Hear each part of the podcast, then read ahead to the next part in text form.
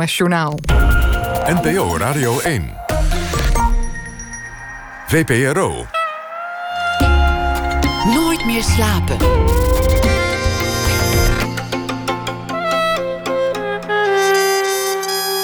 Met Pieter van der Wielen. Goedenacht en welkom bij Nooit meer slapen. Het stormt. Acht walvissen spoelen aan en een jonge, ambitieuze journaliste ruikt een primeur. Redactie-intriges, een jemenitische asielzoeker die toevallig weet hoe je die beesten vlot trekt.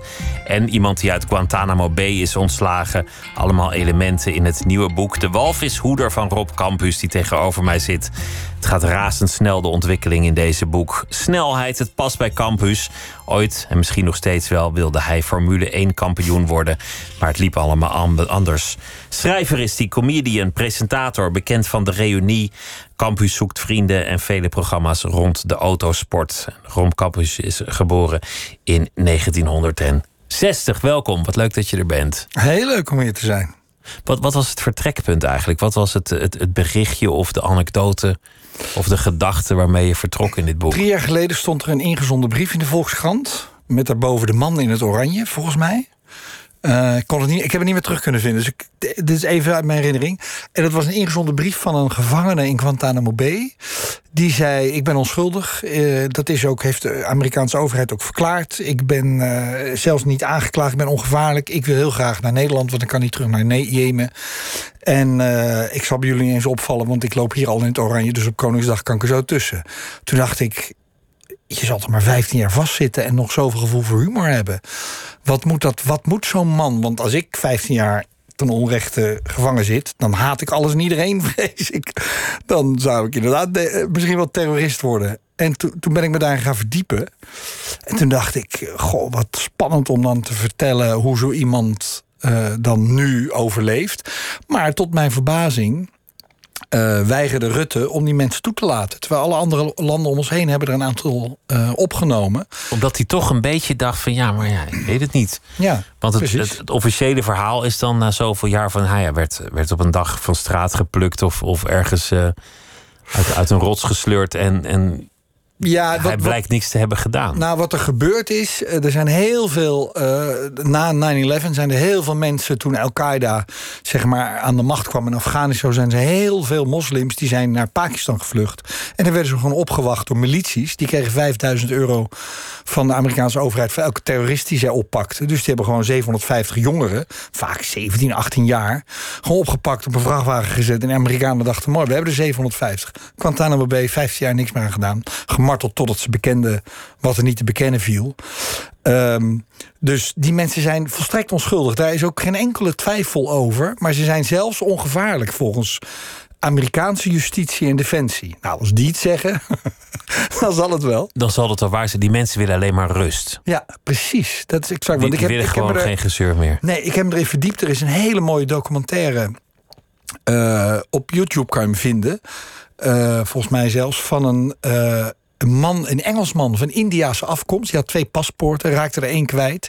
Werd gejat door een terrorist, dat paspoort. Maar in plaats van de terrorist oppakte, pakten ze hem op. Gewoon zonder proces. Hup, naar Guantanamo Bay. Ik geloof dat hij acht jaar gezeten heeft. Toen pas kreeg Engeland hem vrij. Wisten ze pas dat hij er zat. Die man had daar vriendschap gesloten met zijn cipier. Die natuurlijk ook wel doorhad van... wacht even, deze man hoort hier niet. En die hebben elkaar na de hand opgezocht. En daar was alleen maar vergeving. Er zat geen, daar zat geen kwaad bij, bij die Engelse, Engelsman van India's afkomst. Toen dacht ik, wat een ongelofelijke uh, flexibiliteit moet je hebben om dat te kunnen. Dat je dan geen wrok koestert. Nou. Dat je dan niet afgaat. Nou, ja. Ja. Dus ik dacht. Um, en dat, ik, ik heb veel gelezen over mensen die ook gegijzeld zijn. En het schijnt dat als je veel gevoel voor zelfspot hebt dat je de beste kans hebt om er gezond vanaf te komen. Toen dacht ik, wat, dat is een hele interessante figuur, zo iemand. Um, alleen hoe zullen wij naar zo iemand kijken? En, en mijn premisse was, ik dacht, oké, uh, de Nederlandse regering heeft dat heel hooghartig geweigerd. Maar misschien zijn er wel een stuk of vijf uh, met een nieuwe identiteit, horen we nooit meer wat van. En toen dacht ik, maar als dat uitlekt, dan hebben uh, Geert Wilders en Harry Baudet natuurlijk vrij spel in dit land. Dus daar zal de overheid alles aan doen om dat te voorkomen. En dat was een gegeven in het boek. Je hebt nog Ja. een ander personage. Een jonge, ambitieuze journaliste van een krant genaamd Het Laatste Nieuws. Die, eh, ja, die is eigenlijk een beetje tegenovergestelde. Die is helemaal niet zo eh, zen. Die Nee, heeft, die, niet. Nee. die heeft het ego niet onder controle. Het ego dat controleert haar. Oh, dat is mooi gezegd. Ja, ja zeker, ja. Ja, dus is heel opstandig. Is heel idealistisch. Heel veel eh, eh, gevoel voor onrecht. Eh, en daar komt ze voortdurend mee in de problemen met, met haar meerdere... met alles en iedereen, met haar ouders, met haar vriendinnen. Ehm, maar dat is, ook, dat is ook meteen de reden waarom zij dit verhaal op het spoor komt. Want iemand die ah, ja, tegen alles ingaat, gaat zijn eigen weg. En die komt op paden waar niemand komt. Een ego en een beetje dwarsheid, dat zijn op zich goede eigenschappen voor journalisten. Want je, want je moet gedreven zijn om dat verhaal te krijgen. Die ambitie moet je hebben. Ja, En je moet je niet laten afwimpelen als iemand zegt: hè, jee, daar zit niks. nee, ja, Ja, dat denk ik wel, ja. Ja, ik moet, ik, mo- ik moet ineens denken aan. eh, ik zat gisteren naar Argos te luisteren. Dat eh, programma, waanzinnig mooi radioprogramma op eh, de zaterdagmiddag. De onderzoeksjournalisten. Ja, en dat was nu Sanne. Ik weet dat de voornaam Sanne is. En die heeft gewoon een jaar lang onderzoek gedaan naar eh, sectes waarin kinderen seksueel misbruikt worden in Nederland. Niemand geloofde haar. Sanne Terlingen was dat. Sanne Terlingen, uiteraard. Ja, je hebt gelijk. Dan denk ik, dan moet je zo, dat vind ik zo moedig. Want uiteindelijk heeft, als je, die, als je dat radioprogramma, die podcast luistert, denk je, dit is overweldigend bewijs dat het wel bestaat in Nederland. Een of andere secte waarin kinderen misbruikt worden. Maar je moet zo, zo moedig zijn en zo tegen de stroom in durven te gaan om dat vol te houden. Want je, iedereen verklaart je voor gek als je ermee aankomt. Op een zeker ogenblik gaat jouw personage naar Voorschoten. Jij komt zelf uit Wassenaar. Nou, dat ligt al een beetje bij elkaar in de buurt. Zit aan tafel bij haar ouders en denkt: zo ga ik dus niet leven. Altijd maar binnen de lijnen kleuren, altijd maar het compromis aangaan. Jezelf een beetje terzijde schuiven. Ze walgt van de burgerlijkheid van die ouders. Ze wil eigenlijk iets groters en meeslependers. En toen dacht ik, zoals Flaubert dacht, Madame Bovary, c'est moi. Rob Campus, deze Maaike, c'est moi. Dat gaat over jou. Eh ja, zeker, ja. ja. Ja. Ja, ik wilde heel graag... eh, ik weet niet meer wie het was, maar het was een vrouw die mij naar mijn vorige boek schreef. Ja, de hoofdpersonen zijn allemaal weer mannen in jouw boeken. Toen dacht ik, nou ja, hallo, ik ben een man, natuurlijk. en toen dacht ik, oké, mijn volgende boek ga ik expres ga ik over een vrouw schrijven. Maar dat, Je hebt er wel wat eigenschappen van jezelf gegeven. ja, omdat, omdat uiteindelijk een boek moet over jezelf gaan. Weet je, je kan. Dat was ook mijn opdracht aan mezelf om. Ik wil het verhaal heel ver bij mezelf vandaan gooien. Maar uiteindelijk moet ik me wel kunnen inleven in die personages. Anders heb ik ook geen zin om het te schrijven. En eh, de, ja, de, de scènes met, eh, met haar vader en haar moeder. Dat is wel heel erg mijn familie, ja. Is het ooit goed gekomen met je ouders? Nou, eh, ja, ja, zeker. Ehm, ja, dat is heel lastig om te zeggen. Omdat mijn moeder die zit nu in een verzorgingstehuis. Dus dat is een heel lastige tijd. En ehm, zij, is, eh, nou, ze heeft alles, behalve corona. Verder, verder de hele medische encyclopedie opgelopen. Echt alles, alles, alles. Dus dat gaat ook niet heel lang meer duren. Onder andere dementie. En het rare is dat mijn moeder daardoor enorm veel zachter geworden is. Zowel lijfelijk, eh, in, in knuffelen, als in dankbaarheid. En het is een hele vrolijke, opgewekte vrouw. Die, het is onvoorstelbaar hoe ziek ze is. En eh, ik, ik nam haar eh, stiekem mee naar het, naar het strand vorige week, omdat ze uit het ziekenhuis kwam. Ik moest natuurlijk inleven, ik moest haar inleveren bij het verzorgingstehuis. Dus ik mocht er al even naast me hebben. Toen dacht ik, ja, dat kwartier aan het strand, wie, wie, gaat, dat, wie gaat dat merken? Eh, op een bankje, niemand in de buurt, ijsje erbij. En mijn moeder zei, nou, nou, zou je niet eens denken dat je ziek bent hè, als je hier nu zo zit. Toen dacht ik, jeetje, ben je 91 doodziek, je hebt misschien een paar maanden te leven. Als je zo kan leven, ja, daar heb ik heel veel respect voor. En eh, er komt er ook heel veel liefde weer terug. Als je iemand dan uiteindelijk, eh, we doen met zo'n klein groepje die mantelzorg. En dan merk je dat, ja, als je dat maar gewoon doet, Een beetje, eh, een beetje is van ja, ja, je doet het omdat het moet. Maar dan, dat wordt op een hele, hele indirecte manier... komt er een prachtige beloning voor terug. Krijg je dan ook op je falie als je er weer inlevert? Bij het, bij het verzorgingshuis Nee, en, te laat ik had het niet moeten zeggen, want eh, ik zei ja zonder files en eh, kreeg het niet mee. en, en ik kan me ook voorstellen, want de Maar het is etage... een mooi dierbaar moment voor jou. Ja, maar ik wil geen andere mensen in gevaar brengen. En de etage boven haar zijn er geloof ik twintig overleden. Dus dit is gewoon een Er ramp. staat wel wat op het spel, ja. Ja, dus ik heb er ook wel op een bankje gezet. Ik heb de auto geparkeerd. Ik heb er een bankje gezet met niemand in de buurt. Ik ben zelf een ijsje gaan halen. Zij was getest in het ziekenhuis dat ze geen corona heeft. Dus, eh, nou ja, ik, ik, ik heb ook geen corona voor zover ik weet. Dus ik dacht, ja, ja ik, ik, moest erop, ik moest erop halen. Dus ik kon, ik kon ook niet heel veel anders. En ze kon niet achterin zitten. Dus ik denk, ja, nou, die regel hebben we dan nog geschonden. Dan deze ook nog maar. Maar, eh, nee, ik kreeg helemaal niet mijn falie, nee. Nee, die mensen zeiden, nee joh, is goed. Hoe was, dat- hoe was dat vroeger? Toen, toen je nog wat meer de jonge man was die wilde uitbreken... en dacht, ik ga wel groots en meeslepend leven. Ja. Toen je ouders nog eh Mijn ouders vonden het helemaal energieker niks. in de wedstrijd zaten. Energieker in de wedstrijd. Goed gezegd. Ehm, ja, de- met mijn vader heb ik gewoon twintig jaar ruzie gehad. Altijd. Ja, nee. Of, of was het een soort voortsluimerende veenbrand? Nee, nee, nee, nee, nee, nee. Tot, tot, tot mijn zestiende of zo eh, waren we heel, heel close. Mijn vader die had een eigen tafeltennisvereniging waar wij samen in speelden. Je mag geen pingpong zeggen, toch? Nee, Nee, van mij mag geen pingpong zeggen hoor. maar toen Ehm, niet. Maar dat, daar, en daar gingen we heel Zuid-Holland mee af. En dan waren we Zuid-Hollands kampioen, weet ik veel, samen. En dat was ontzettend leuk. Totdat ik besloot eh, om eh, autocoureur, cabaretier, schrijver, alles te worden wat hij verfoeide. En hij had zich zijn hele leven lang de pleuris gewerkt om ervoor te zorgen dat zijn kinderen konden gaan studeren. En mijn broer die, eh, die ging na een jaar van de TU af, omdat hij dat net, net niet trok. Maar ging HTS doen, heel goed, prima. Ja, keurig. Ja, maar dat was toch misschien toch een teleurstelling. En ik had allemaal zevens en achters en negens voor mijn examen. En ik zei, ik ga helemaal niet studeren, ik ga toneel op. Nou, dat was het huis te klein. En toen hebben we elkaar ook echt heel lang niet gezien... of alleen maar met, nou ja, zoals dan een boek, weet je wel... met, met heel veel cynisme en heel veel hardheid ehm, ja, bestookt eigenlijk. Want, je vader heeft zijn hele leven bij, bij de posterijen gewerkt, bij de Ja. PTT. Ja. En hij was verbitterd. Weet je, hij heeft er heel veel carrière gemaakt. En eh, toen op een gegeven moment werd, kwam er een soort volksverhuizing van de PTT van het hoofdkantoor naar Groningen. Oh ja, dat weet ik nog in de wie- jaren tachtig. Ja, en dat ging uiteindelijk niet door. Maar wie niet mee wilde, die werd gewoon eh, eh, die met vervroegd pensioen gestuurd. En toen, toen was hij helemaal verbitterd. Hij zei tegen mij altijd van Rob, je moet een vaste baan, ambtenaar worden. En dan Dan, dan is is je je kostje gekocht. Ja, ja, en toen bleek dat dat het in ieder- zelfs voor hem niet eens gold.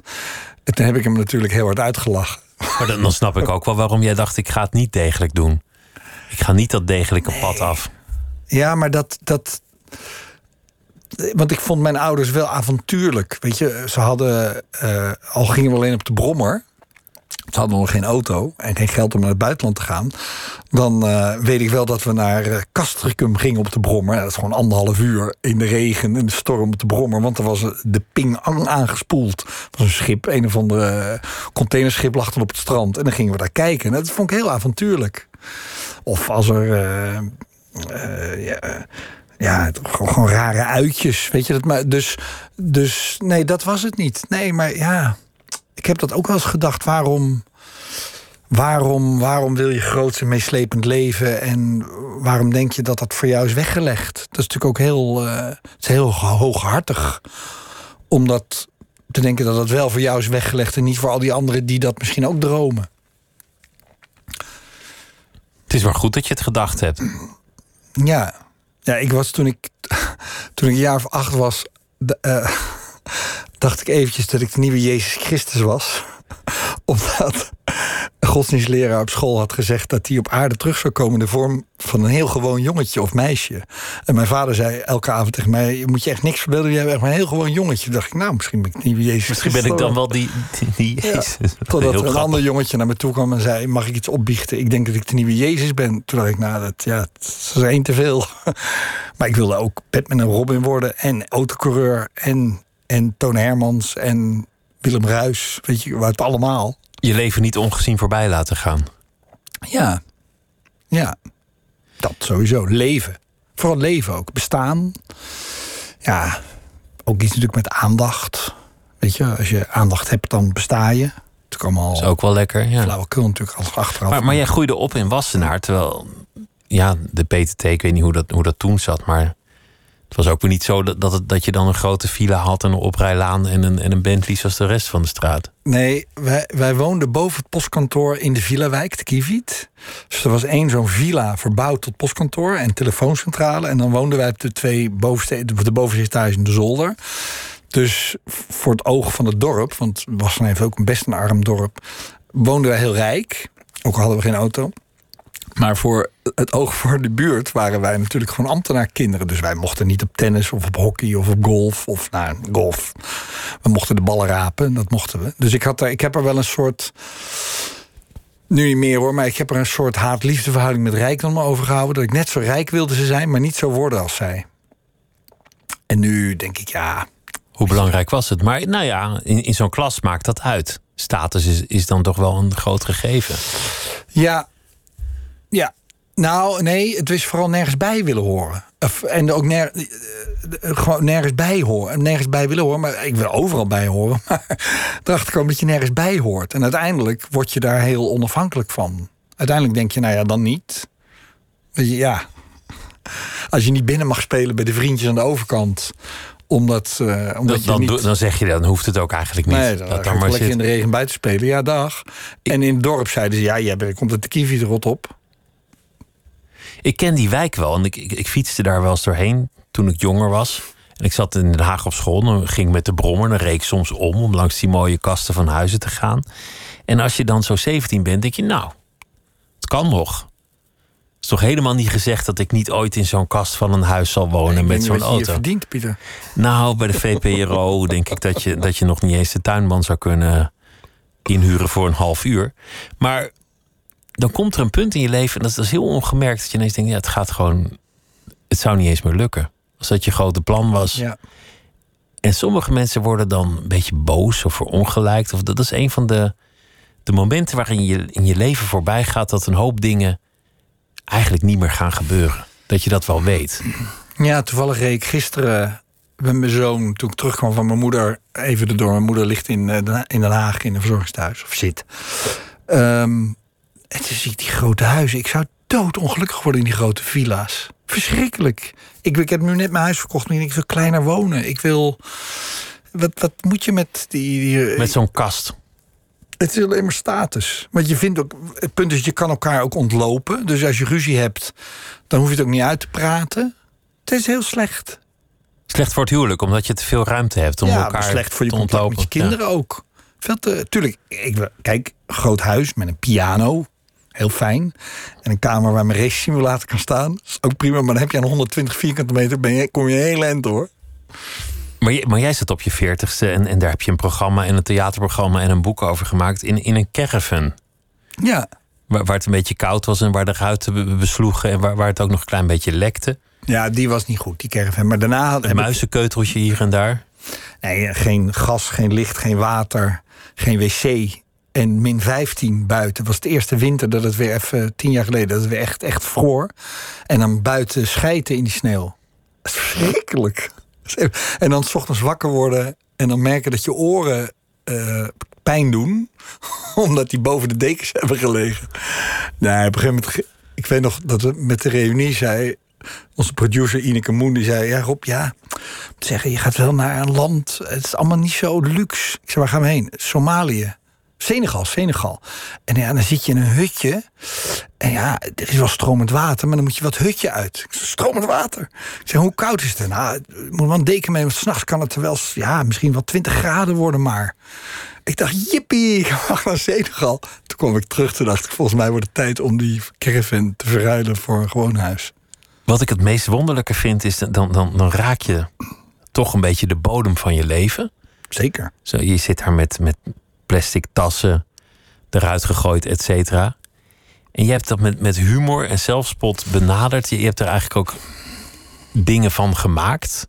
Ja. ja, een tv-programma bijvoorbeeld en een boek.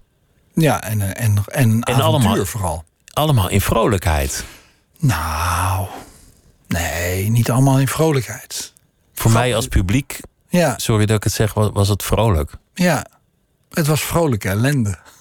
Het, het was ellende waar, Mijn je, kinderen hebben ik het er nog steeds lachen. over. Hè? Mijn kinderen hebben het er nog steeds over. Dat we dan gingen spoor zoeken in de sneeuw. Dan had ik ergens een doos tekenpotloden ver- verstopt. En een, en een schatkaart getekend. En dan de hoeken afgebrand aan het gasfornuisje wat er dan nog was. Zo'n groot butagas dingetje. En dan gingen we dat met een zaklamp s'nachts zoeken. En dan kwamen we vossen tegen, ja. Ja, van het, nou ja, misschien heb ik dat wel van mijn moeder. Weet je, van het leven een avontuur maken. Ook al, eh, ook al is het einde in zicht. Had je niet het idee, ik heb het helemaal verkloot nu? Ja. Nou, ik heb het ook verkloot. Ik vind als je huwelijk mislukt, heb je in ieder geval iets verkloot. Nou, je hebt het ook allebei verkloot. En uiteindelijk Ja. verkloot iedereen wel eens iets. Dus ik, ik, zou daar milder over oordelen, toch? Ja, ik ben er ook wel. Ik, het is tien jaar geleden, dus ik ben er ook wel milder over geworden. Ehm, nee, waar, wat, wat, je, wat ik mezelf kwalijk neem, is dat, dat je misschien dat ik te lang niet eerlijk ben geweest tegen mezelf. Weet je, dat je zo'n eh, een huwelijk langer in stand of een relatie langer in stand houdt. Gewoon omdat je bang bent om alleen te zijn. Of bang voor de mislukking of bang voor de leegte. Eh, Dan denk je, ja, maar op, spring dan in dat diepe, want uiteindelijk als je springt valt het 100% mee. Dat is het natuurlijk vaak. Je kan je als je. Als Wat, wat je, was het diepe dan in, in dit geval? Nou, de geborgenheid. Dat mis ik nog steeds. Ik, heb geen, ik woon niet samen. Ik vind eh, thuiskomen een leeg huis. Als mijn zoon bij zijn moeder of inmiddels bij zijn vriendinnetje is. Denk ik, wat hebben we daar nou aan? Dat was helemaal niet de bedoeling van het leven. De bedoeling was thuiskomen met een heel gezinnetje. En dat er iemand anders kookt. In plaats van dat ik nog even naar de supermarkt moet om eh, half acht na een uitzending. En denk, oh ja, even geen magnetronmaaltijd. Of nou echt koken, want anders wordt het leven helemaal zo sneu. Oh, je bedoelt dat je jezelf verwijt dat je dat niet echt aandurfde te gaan destijds. Ja, ja. Ik weet niet meer wat je vraag was. Nou, volgens, volgens mij komen we ergens. Want, want dit is, dit is een, een, beetje zoals door de kievit fietsen. En de gedachte van, van shit, ik ben 40, het gaat allemaal niet meer gebeuren. Dat kan je twee kanten op redeneren. Ja, Jij noemde het een midlife crisis. Ja, of andere mensen noemden dat. Er was een, psycholoog tegen mij zei: Robert, midlife crisis bestaat helemaal niet. Om de 10, 12 jaar kom je in je leven op een kruispunt. En ben je in paniek. Omdat je denkt: als ik nu niet een rigoureuze beslissing neem. Dan gaat het helemaal fout. Dat heb je ook als je van de universiteit komt en denkt: Nou, nou ben ik meester in de rechten, maar wat wou ik ook alweer? En als ik nu bij een advocatenkantoor ga werken, dan kom ik daar nooit meer weg. En dan word ik ongelukkig. En kan ik alleen maar een vrouw krijgen die het heel belangrijk vindt. En die ook niet wil dat ik ontslag neem. Nou, dat is zo'n crisis heb je om de 10, 12 jaar. Dus alleen, ja, als je dat niet onder ogen durft te zien, gaan mensen natuurlijk hele rare dingen doen. Die gaan uit een motorfiets en dan door Amerika crossen. En dan daarna komen ze weer terug en denken, ja, en nu? En nu? Je vader zei, dat schreef je in het boek, dat, dat sommige mannen altijd maar jongens willen blijven. En dat bedoelde hij helemaal niet positief. Ik bedoel, zeker niet positief. Het was voor hem niet een soort vooruitzicht van, van dat moet je doen. Maar eigenlijk, eigenlijk vind ik dat juist wel charmant. Mannen die een beetje jonger blijven. Ja, eh, nou, kijk, ik vind het leven een reis. En dat moet wel een beetje een leuke reis zijn. Een beetje een avontuurlijke reis zijn. Ik hoef niet meer. eh, ik heb vorig jaar op Le Mans gereden. Nou, mijn droom op dat vlak, weet je, dat ik, ik heb allemaal hele domme dingen gedaan. Ik had al tien keer dood moeten zijn. Dus die zin ben ik wel een beetje bedaard. Maar eh, je kan zoveel spannende dingen en dingen beleven voor het eerst doen. Dat ik, ik snap soms mensen niet die, eh, die alleen maar de gebaande paden gaan. Ik, ik had, ik ging afgelopen zomer was het met mijn zoon duiken. En Mees was toen 16. En mijn droom was 20 jaar geleden of zo, toen ik zelf leerde duiken. Van later, als, mijn, kinderen heb, 30 jaar geleden denk ik. Dan ga ik ze leren duiken, weet je. Neem ik ze aan de hand mee. Nou, hij had met zijn moeder op een andere vakantie al de- zelfs een advanced gehaald. Ik had tien jaar niet meer gedoken. Ik had geen kloot zin meer. Eigenlijk, ik weet niet eens meer hoe die kranen moeten. En hij moest het mij leren. Tenminste, leren. Hij moest het mij weer even uitleggen. Dus hij nam mij de hand mee onder water. Ik vond het ongelooflijk spannend. Ik heb al meer dan honderd keer gedoken. Kan het prima. Toen dacht ik, wat heerlijk. Zo'n avond, ineens heb je weer een avontuur in het leven. Weer iets nieuws, dan sta je weer aan. Ja, en je gaat 10 meter diep, weet je. Dat is allemaal helemaal niet spannend. En je bent, ik ben vijf minuten onder water en... eh, pff, weet je, wat is, wat is het? Maar als je, dat nooit, meer- als je nooit jezelf een schop onder je hol verkoopt... dan, sta je, dan, dan, ja, dan houdt het leven al op als je 40 bent. Dat is toch zo zonde? Want je wordt, je wordt 60 dit jaar. Ja. ja, dat is ook wel heel oud, hè? Ja, het, klinkt, het klinkt ineens ouder dan, dan de man die tegenover mij zit. Ja, ja. Maar misschien is dat het nieuwe 60. Ja, joh, weet je, je, moet- je, moet, je kan op zo'n getal je helemaal blind staren, maar dat kan je ook natuurlijk lekker niet doen. Nou, ik denk wel dat er een aantal dingen zijn die je op je zeventigste niet meer kan. Gewoon fysiek niet. Als ik nu eh, met Bo en mijn oudste zoon ga wielrennen... en dan komt er een viaductje aan en dan zit chop, chop, chop, chop, chop... en weg is meneer. En dan denk ik, hè? Dat was, gisteren was dat nog andersom. Hoe zien ze jou als een, als een, als een vriend, een leeftijdsgenoot of als eh, toch als een oude man? of Nou, eh, ik zat net nog hun oude thuis. heer? Ik zat net nog thuis, kreeg een, ka zat ik een kaartje uit te pakken eh, voor Vaderdag. Kwam ik weer tegen. Er stond op voor die kale die altijd zo debiel doet. dus ja, dat zal het wel ongeveer zijn. Zo zullen ze het wel zien. Ja, Want je kreeg op een zeker ogenblik nog een dochter er, erbij. zeker. En dat, dat, nou ja, dat, dat werd allemaal heel breed uitgemeten in de roddelpers, omdat dat eh, allemaal niet gepland was. En dat moet, je, dat moet je dan ook met je kinderen bespreken op een zeker ogenblik. Ja, maar ze gaan mee als ik haar bezoek.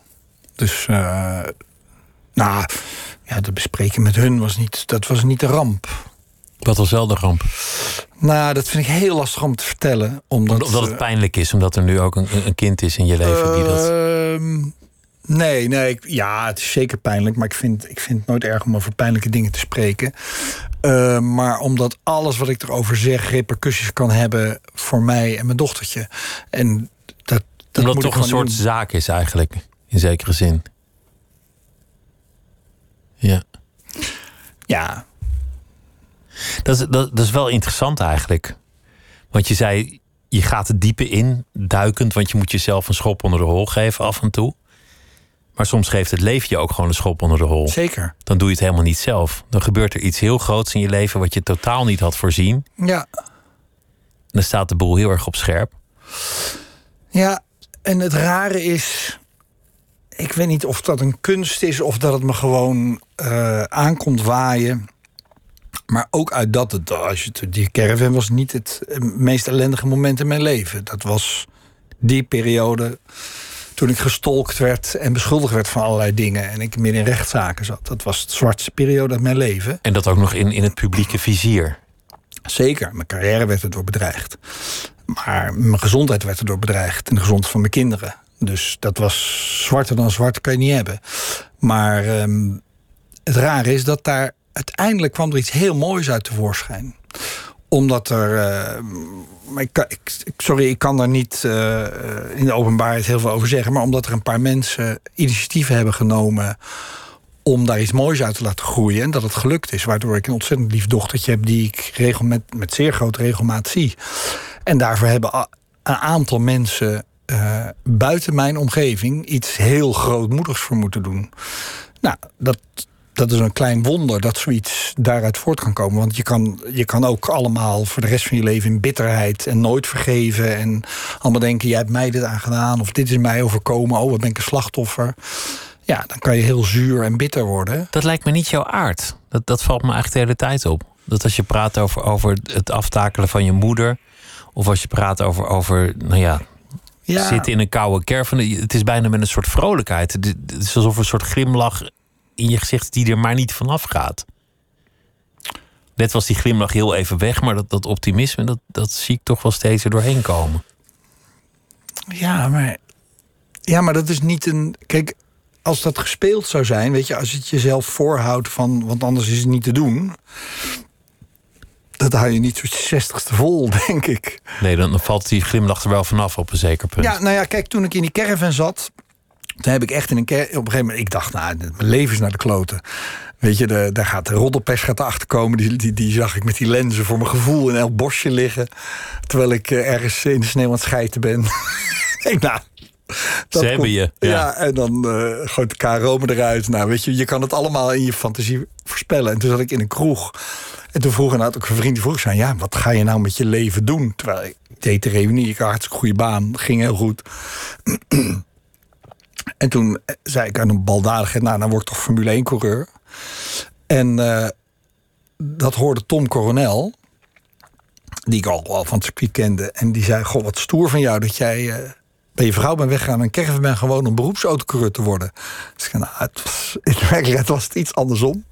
Hij zei, maar ik ga jou helpen. En die heeft ervoor gezorgd dat ik bij Seat terecht kon. En een jaar lang op hun kosten heel Europa mocht gaan racen. Dus ja, ik weet dan, ik kan niet heel goed zien wat nou mijn bijdrage erin is. Tuurlijk, dat ik dat in baldadigheid roep. Eh, en dat ik dat dan ook vervolgens ook ga doen. Dat is natuurlijk, dat is vrij debiel. Maar uiteindelijk is het Tom Coronel en die mensen bij Seat die mij een leuke vent vinden. En, eh, en, en Er- dat er zijn doen. zoveel mensen die zouden zeggen: Nou joh, ik, ik ben nu al de 40 gepasseerd. Moet ik nou nog Formule 1 gaan rijden? Lief dat je het aanbiedt, maar dat is natuurlijk maar een, een ridicule uitspraak. Ja, Formule 1 is het ook niet geworden. Maar ik, Nou ja, je bent een eind gekomen. Nou, het, het, eh, ik- dacht dat dit het was. En toen, tw- twee jaar geleden, ik ben wel allemaal een beetje doorgegroeid in van die snelle prototype auto's wat op Le Mans rijdt. Maar dan net eronder. En toen kwam ik twee jaar geleden bij Frits van Eert in de pits. Die, die race daar met zijn eigen team. Van die hele grote, monsterlijke gele auto's. En eh, die zei, maar is dit niks voor jou? Toen zei ik, joh, ik ben te oud, ik ben 58. Dit moeten we niet meer doen. En ja, maar droom je er dan niet van? Ik zei, nou, ja, niet meer. Toen zei hij, als jij niet meer droomt, moet je lekker in je kist gaan liggen. Want dan is het leven voorbij. En toen keek ik zo aan van, oké, ik word even op mijn nummer gezet. Toen zei hij, ga er maar over nadenken. Hoor ik morgen je antwoord wel. En ik weet, ik ken Frits, want hij sponsort ook mijn stichting. Ik denk, eh, als hij dat zegt, dan hangt er een consequentie aan. Dus ik denk, als ik nu zeg, ik droom er nog van. Ik weet niet hoe, dan ben ik aan de beurt. En toen volgende dag, hij kwam direct naar me toe. We stapten de auto uit, helemaal bezweet, zijn helm af. Hij zei, en, je erover nagedacht? Ik zei, ja Frits, ik droom er nog van. Prima, dan ga jij volgend jaar meedoen, krijg je mijn auto. En dat is heel veel geld. Zo'n auto is alleen al heel veel geld. Dan ben je er nog niet. En toen dacht ik ook, oh, oh, oh, oh, waarom zeg ik je nou toch weer ja tegen? Maar dan denk ik, ja, achteraf was het het mooiste raceavontuur uit mijn leven. Dus, weet je, soms moet je, soms komt er een trein voorbij... en dan kan je besluiten op het, op het perron te blijven staan. En soms moet je maar gewoon instappen en kijken waar die trein heen rijdt. Je, je, noemde, je noemde de KRO, want je, je dacht, dan staan ze met een telelens. We gaan het zo over race hebben hoor, want dat vind, ik- vind ik ook een heel leuk voor onderwerp. mij, nee, nee. eh, Maar, nee, maar toen je Zit ik zei. een keer in een literair programma, gaan over, daar heb ik het over autosport. Nee, ik vind autosport ook leuk. Maar, Ja. maar je, je zei dan, dan, dan zit ik buiten te kakken en dan staat er een paparazzo. En dan ziet de KRO dat. En die, die streven net naar een nieuw spiritueel imago. En dan kan Rob Campus het veld ruimen bij die KRO. Maar jouw personage in je boek, die, die heeft op een zeker ogenblik allemaal redactie-intrige aan de hand. En het gaat op een aantal momenten in het boek ook best wel over het kiezen voor het principe. Of het hebben van de grote bek. Of je toch maar eventjes pragmatisch aan de leiding houden. En jij bent volgens mij bij de KRO uiteindelijk ook met een soort van mot weggegaan, toch? Zeker. Ja, maar. ehm, nou, Ik, ik meende daar ook weer zo'n zo'n persoonlijke inspiratie te zien. Mm, nou, dat was een optelsom van heel veel dingen. Uiteindelijk. eh, de KRO zat toen heel zwaar weer. Ze moesten fuseren met de NCRV, dus alle portemonnee gingen dicht. Dat was bij de reunie al een aantal jaren aan de hand. Ik protesteerde er tegen. Te fel. en eh, dat werd me te verstaan gegeven. Toen kon ik kiezen of een mond houden of op, op, of, of sodemieter. En toen dacht ik, tenminste... De grote bek eigenlijk. ja, maar wel eh, eh, over, over iets waar ik achter stond. Namelijk, ik vond dat het programma verwaarloosd werd. Niet door de mensen die het maakten, maar uiteindelijk door, door een leiding die besloot dat er geen geld meer naartoe moest. Of te veel afleveringen in een seizoen. Eh, wat, wat, waar, waar mijn principe in het geding kwam, was dat ik ging op een gegeven moment niet meer mee op de buitenland reizen. Nou, dat, dat vond ik op zich al heel erg. Maar ik moest ze wel inspreken. Dus ik kreeg helemaal mensen die zeiden, "Eh, zat je weer lekker eh, in eh, Abu Dhabi? Terwijl ik dacht, nee, ik zat in Volendam meteen een vrouwtje te interviewen. En een onervaren redacteur stelde de vragen. En jij sprak manier- ze in. En ja, dan, en op een manier dat ik dacht... ja, maar jongens, dat is niet wat ik zou hebben gevraagd. Dus ik zag het programma gewoon naar de kloot gaan. En ik dacht, als, als, als niet iemand nu halt roept... dan eh, ben ik straks de eerste... eh, Mijn, mijn eh, kop ligt op het hakblok natuurlijk. De presentator is degene die de foute vragen stelt. Ja, als ik ze inspreek. Dus dat was, dat was gewoon een inhoudelijk meningsverschil. Heb je dan paniek als je, als je weggaat bij zo'n zo'n club die jou toch, nou ja, veel gebracht heeft? Ehm hmm. Ik heb in mijn geheugen graven. Ik weet dat ik heel opgelucht was. Want ik moest te veel afleveringen per jaar maken. op een manier die ik niet meer. die ik echt gewoon niet meer wilde. Dus ik kreeg op een gegeven moment nog wel een aanbieding. maar die, daar heb ik gewoon een heel hooghartig nee tegen gezegd. Ik dacht, nou, er komt wel wat. Daarna kwam eigenlijk pas de paniek dat ik dacht. Komt er wel wat? Ja, nou, met name omdat eh, mijn manager Robin Goudsmit zei ook... Rob, dit is de kans om eh, te laten zien... dat je het ook bij een commerciële omroep kan. Want eh, bij de, bij de publieke lag alles dicht. Hè. Er werd enorm bezuinigd. Eh, er zaten heel veel eh, andere presentatoren werkloos thuis. Dus ze zei... eh, En ik wist dat de commerciële omroepen mij graag wilden hebben. En ik dacht, ja, ik weet niet of ik daar thuis hoor. Dus toen heb ik een paar programma's gemaakt, zowel bij RTL als bij SBS. Met wisselend succes. Bij SBS heb ik een heel mooi programma gemaakt. Nooit, eh, mijn laatste keer. Van mensen die nog een half jaar of ongeveer te leven hadden. En die heb ik heel intensief gevolgd. En toen mocht ik echt, kreeg ik echt de vrije hand om het op mijn manier te doen. Maar da- daar was een enorme koers. Om, de andere maand zat er een andere directie. Zijn, nee, we gaan het volkser doen. Nee, we gaan het intellectueel doen. Dat ik dacht, wacht even. Ik weet hoe het gaat. Dat je in de, in de hoe zeg je dat, vermalen wordt in de molen van veel grotere belangen. Dus toen was ik wel bang dat ik dacht, oh shit, jongens, straks, eh, straks blijft er niks. Je hoeft maar één slecht programma te maken en niemand weet meer wie je bent, bij wijze van spreken. Maar goed, dat viel uiteindelijk wel mee. Maar Het is wel zo grappig dat, dat zeker bij de publieke omroepen, al die omroepen proberen jou als een soort uithangbord te maken als presentator. En dan, nou ja, proberen ze voor jou een, nette katholieke schoonzoon te maken. Passend Ja. bij de spirituele waarden van, van die omroep.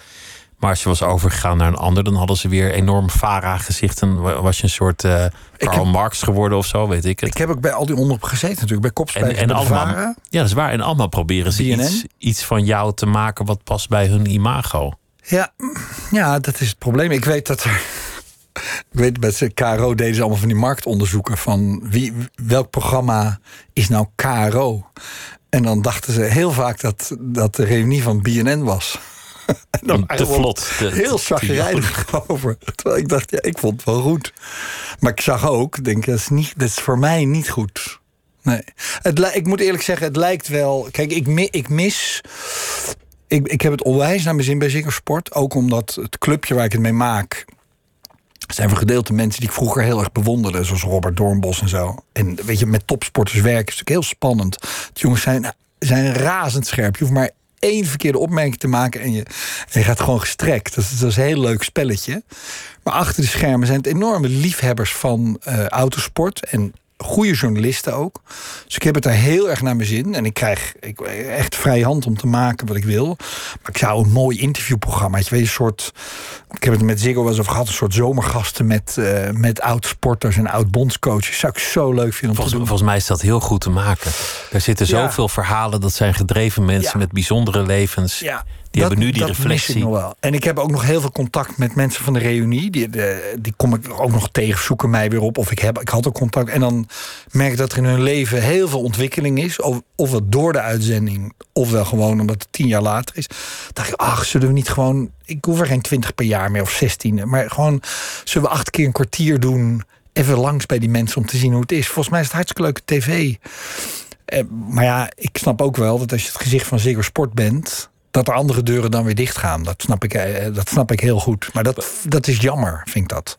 Het, is wel, het is wel grappig dat die autosport zo'n grote rol is gaan spelen in je leven. Het is bizar. Van, van een hobby toch, toch naar je beroep eigenlijk. Ja, nog geen, nog geen twee jaar geleden hadden wij de slappe lach gekregen bij Ziggo. Als je toen tegen ons had gezegd dat er elke vrijdagavond een soort voetbal inside, maar zonder de controverse is. Eh, s'avonds om half elf live Formule 1 met allerlei grote autocoureurs die er ofwel via FaceTime langskomen. En dat daar nog gewoon 300.000 man, wat heel veel is, want de helft van Nederland kan maar Ziggo krijgen. Gewoon elke avond naar kijken, zelfs nu in coronatijd. Dat dat is natuurlijk Maar er zijn zoveel Idioot. autoliefhebbers en zoveel liefhebbers van Blijkbaar. autosport. Dat is Ja, gigantisch. Door Max, door Max. Het is allemaal Max. Want als het morgen ophoudt, als Max morgen stopt. Verstappen, als, als, die, als die Ja, ermee die kan. Max, ja. Ja. Ja, als Max Ik, Verstappen. ik dacht even aan Jan Slachter in een snelle wagen. Maar Tijd je bedoelt, Max. nee. zou Een leuk programma zijn, ja. Ehm, nee, als Max Verstappen ermee ophoudt, is het denk ik eh, binnen een jaar is het weer terug naar af. Dat zag je ook toen Jos ermee ophield, zijn vader. Ja. Had jij in het begin dat, dat je je moest verdedigen in die kringen? Dat ze dachten, en eh, campus, ja, wat, weet jij daarvan? Bij Ziggo. In, in de wereld van de autosport. Ja, het- het- Bij de liefhebbers, bij de fans. ja, toen ik bij Ziggo kwam bedoel? Ja. Oh, ik dacht toen, ik voor het eerst het circuit op ging. Ik weet wel, toen ik, ik weet wel dat er eh, in het begin in Nederland op mij gemikt werd. Als ik in een raceauto stapte. Dus ze dachten, we hebben weer zo'n presentator die even moet laten zien wat hij kan. En dan eh, kreeg ik een tikkie hier en daar op het rechte stuk. Ja, het rechte stuk is vervelend. Want als je Dat dan het stuk met- waar je het hardst moet gaan. Ja, als je daar 180... Die auto's waar ik toen in reed gingen niet zo hard, maar 180 ga je gauw. Als je dan de vanger in gaat, dan lig je in het ziekenhuis. Dus toen, toen dacht ik wel, oké, nu moet ik even voor mezelf opkomen. Ben ik maar naar zo'n gozer toe gaan en zeggen, dan moet je nog één keer doen. Maar dan kom ik je yoghurt door een rietje brengen morgen in het ziekenhuis. En toen moest hij lachen. Toen heb ik hem een tikje gegeven. Toen ging nog net niet de vangrail in, maar toen was het over. Maar bij, eh, bij de kijker was bij Ziggo Sport precies hetzelfde. Die dacht ook, is die gozer van de reunie. Wat moet hij nou eh, met die Formule 1? Wat heeft hij er voor verstand van? En het, stomme is, ik heb twee Twitter-accounts. Eén voor autosport en één voor al het andere. En ik merkte, ooit had ik er één... ik merkte als ik over Formule 1 tijdens de reunie iets twitterde... dan raakte ik reuniekijkers kwijt. En autosportliefhebbers raakte kwijt als ik te lang niet over autosport twitterde. En nu denkt natuurlijk iedereen, oh ja, eh, iedereen zoekt maar wat. En dan de kritiek komt op die, op mijn Twitter-account, waar het nooit over autosport gaat.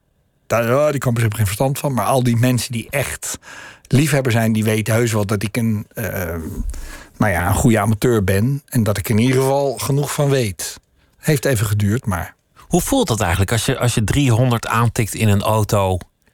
en je, je voelt al die G-krachten door je, door je lijf porren... en je weet gewoon van nou, een, een, een centimetertje naar rechts... of een centimetertje naar links op dat stuur en, en ik ben appelmoes?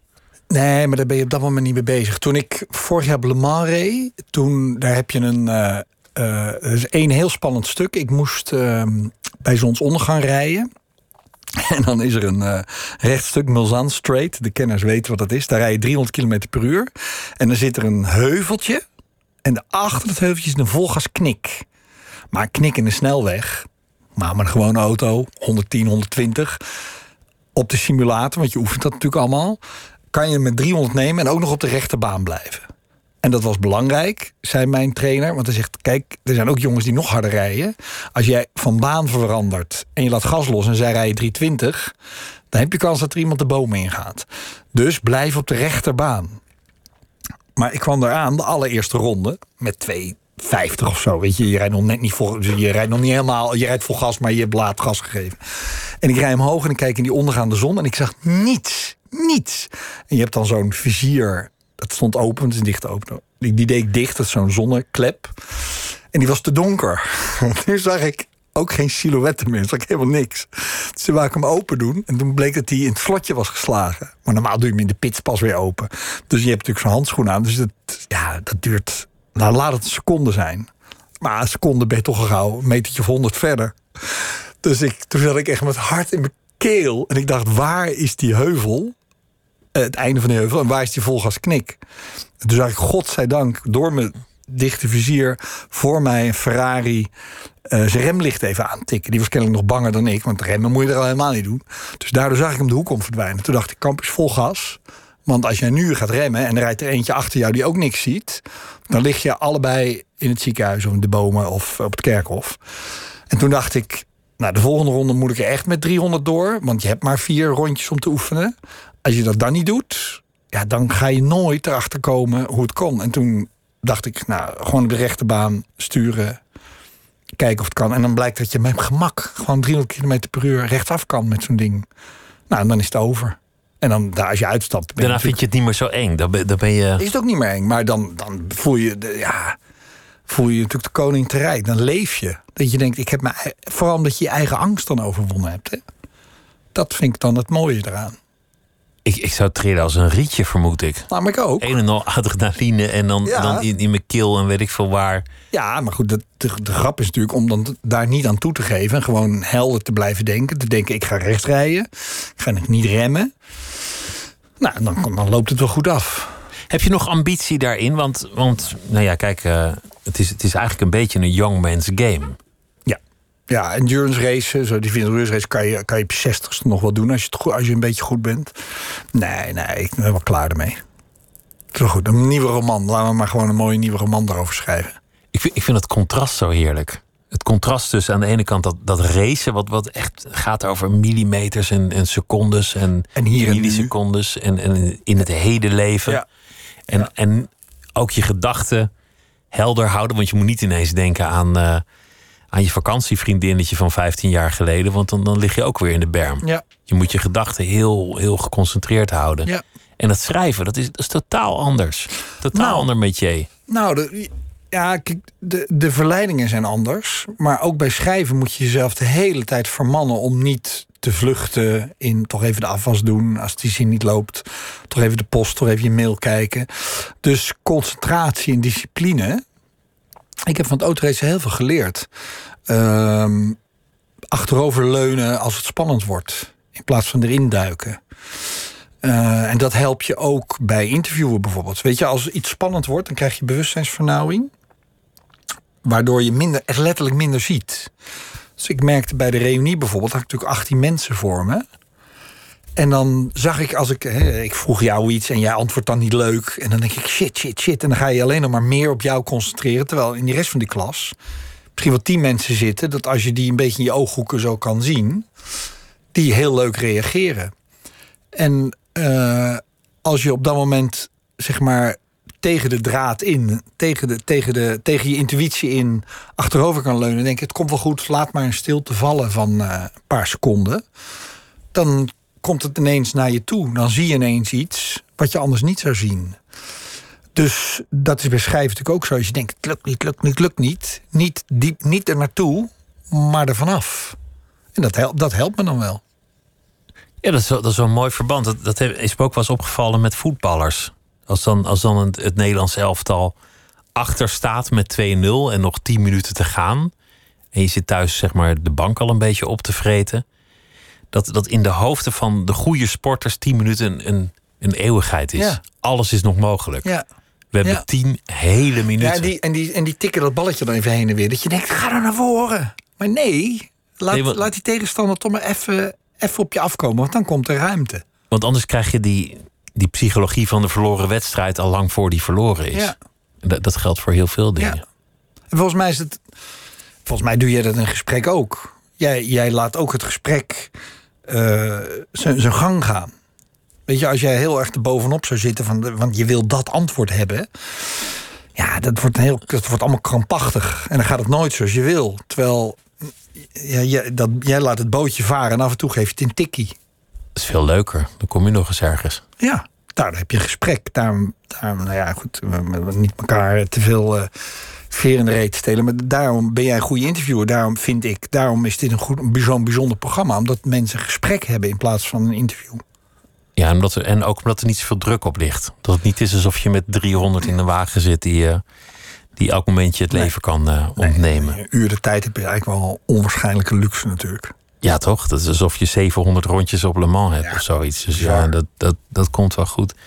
Je, we, hadden het, we hadden het over jouw moeder. En dat, dat vond ik zo'n mooi moment. Dat je dan met je moeder daar zit en een ijsje. En dan zegt ze alsof ik helemaal niet ziek ben. Maar, maar die toch aan het eind van haar leven Zeker. loopt. Dat gaat eindigen. En je vader is er al niet meer. Nee, die is alweer eh, 17 jaar geleden, over 18 jaar geleden. To- Toch, dat vond ik wel leuk, want, want het ging over, over het conflict van een jonge man met, met zijn ouders. Toch zei ja, er zat wel avontuur in op de brommer naar, naar een, een boot die op het strand ligt.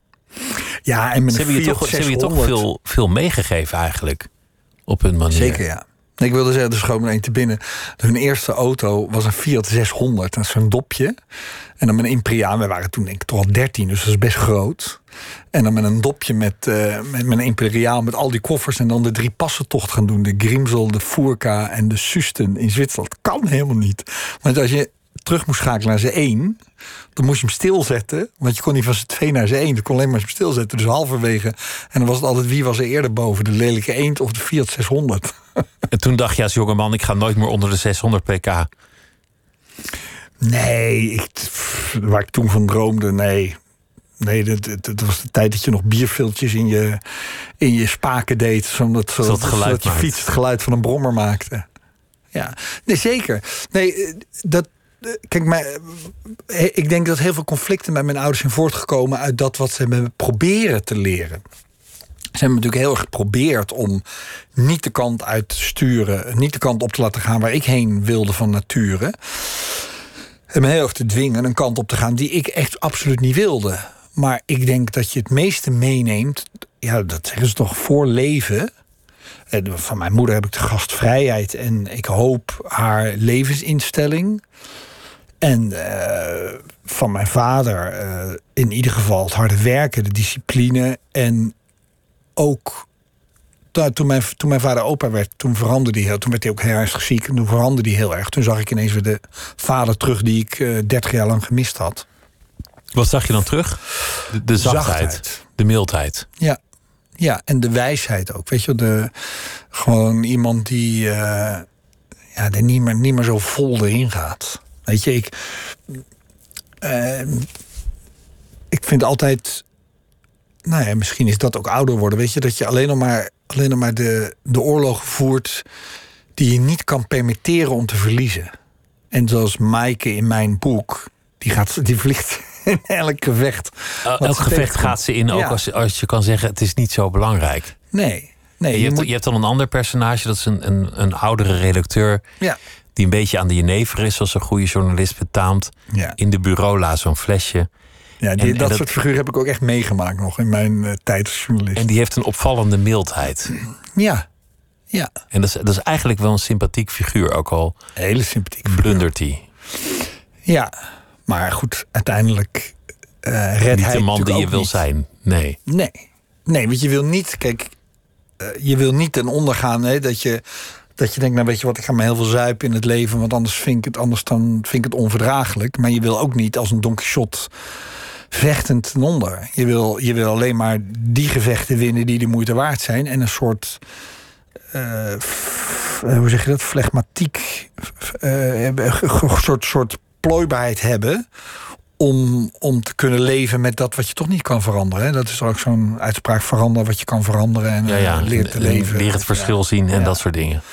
Ja, ja er, er is Weet je, in mijn, mijn boek begint nu met een, met een zin van Ernst Hemingway. Maar er is een andere zin van Ernst Hemingway die ik, die ik probeer te leven.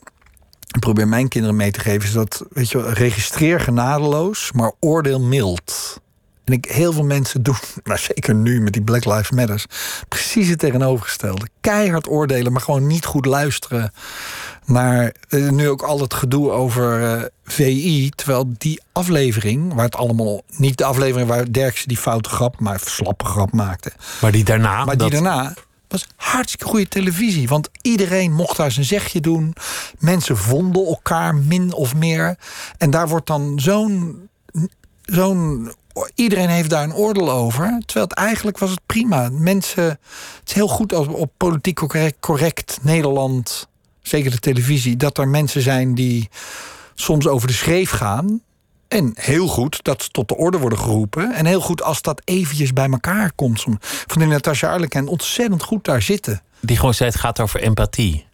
Heel goed. Wees wat zachter. Ja. Want dat is in jouw boek uiteindelijk ook het vertrekpunt geweest. Dat je, dat je kijkt naar een jonge man die ergens in de bergen loopt. Of waar die ook liep. Die, die wordt opgepakt. Er wordt een kap over zijn hoofd gedaan. Ja. Dan wordt hij naar de andere kant van de wereld verscheept in een oranje hesje 15 jaar vastgehouden. Plens water in je gezicht. 24 uur We Are the Champions op om je van je slaap te beroven. Ja, dat is. Ik, ik vind het één keer wel een leuk liedje, maar 24 uur is, is martelen. Deze in Guantanamo bij dag, nacht. Dag en nacht. En dan, en dan daarna kan niemand het opbrengen om zo iemand gewoon te geven wat hij wil. Ja. En hij wil zo weinig, namelijk gewoon een, Dat een huisje mij. en een beetje uitzicht en een stoeltje. Kijk, ik hoop een heel klein beetje eh, op opstandigheid als je dit boek leest. Weet je, ehm, eh, ik hoop dat iemand zich er boos over maakt. Dat je denkt, hoe kan het... Geen journalist is hier opgedoken. Ik bedoel niet op mijn boek, maar op... Op dat verhaal. Ja, dat ik na, na drie maanden ging nog eens kijken en ik goh, hoe zit het er eigenlijk mee? Waarom maakt niemand zich daar boos over? Dat is toch gek? Die mensen verdienen een beter... Nu mogen ze volgens mij van eh, Trump mogen ze helemaal niet meer uit. Zitten er nog steeds 40. 40. Komen onschuldige mensen al 18 jaar nu inmiddels? Obama beloofde dat hij, dat hij Ja. het zou oplossen. Ja, Hij beloofde dat hij een plek zou, zou vinden. En het is hem gewoon niet gelukt. Nee, dat is tragisch. Hoe slecht zal die man af en toe slapen? Want dat is wel een man, al- dat is een man met empathie, weet je? Dat is een man met, een- met een ziel. Het is een schande voor Amerika dat ze dit hebben laten gebeuren. Ja, maar ik vind het ook een schande voor Nederland. En ik, weet je, ik ben een fan van Rutte zoals hij dit doet. Ehm, maar ik vind het ook wel een beetje een schande dat we hier niet grootser in zijn. En vergevingsgezinder. Alleen omdat je volgens mij bang bent voor eh, Wilders en Baudet. Oh, dat die met je stem aan de haal gaan. Ik denk dat dat eigenlijk de uiteindelijke reden is. En die vind ik eigenlijk, vind ik eigenlijk heel triest als dat zo is. Toch speel je ook in je boek met het andere perspectief van ja, is het wel zo'n onschuldige, lieve, rustige, gedweeën man? Tuurlijk. Want het is leuk. Het als jij het leest als je en- toch een en beetje je- twijfelt van ja. En jezelf betrapt van oeh, ai, oeh, het ging weer gemakkelijk. Wat oordeelde ik weer makkelijk. Want dat andere oordeel snap ik ook. Als je zegt, je- jouw nieuwe buurman, jij woont zo Zeker. mooi buiten en, en daar komt een nieuwe buurman. Hij heeft 15 jaar in Guantanamo Bay gezeten, maar verder is het echt een heel aardige man. Jullie zullen het vast wel vinden met elkaar. Ja, ja, ik ga ervoor. Zo'n idealist ben ik nog, zo'n naïeve romanticus. Ik ken genoeg Ondanks mensen die, alles. die, dan, die dan toch zouden zeggen, nou, mm, Is mijn huis minder waard. Ja, Ja. Nou ja, dat is dom. Dat is dom. Al was het maar omdat je het avontuur dan mist. Dat, dat, is, dat is wel eigenlijk een groot ding, ja. Dat je het avontuur mist. Ja, Zoveel dingen die je doet omdat ze veilig zijn of, of gerust zijn of wat dan ook, maar je mist het avontuur. sta je stil. Leuk. Wan- Wanneer ga je weer scheuren eigenlijk? Wanneer, wanneer zit je weer in zo'n ding? Nou ja, we gaan nu acht Grand Prix krijgen in eh, tien dagen. En dan moet ik geloof ik 50 televisieprogramma's maken. Dus ik ben bang dat ik tot december eh, misschien door de week een beetje kan trainen. Maar die auto's die ik bestuur kosten enorm veel geld. Dus een beetje trainen is eigenlijk vrij zonde van het geld. Als je niet ook gaat racen. Ik hoop dat je er snel weer in zit. En het, eh, het boek heet De Walvishoeder. Was leuk dat je langskwam, eh Rob Campus. Dank je wel. Maar is leuk. En dit was eh, Nooit meer slapen. Zometeen eh Miss Podcast op NPO Radio 1. En morgen dan zijn we er natuurlijk weer. Een goede nacht.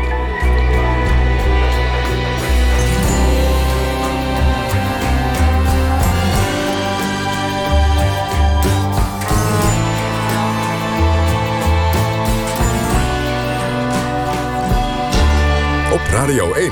Het nieuws van alle kanten.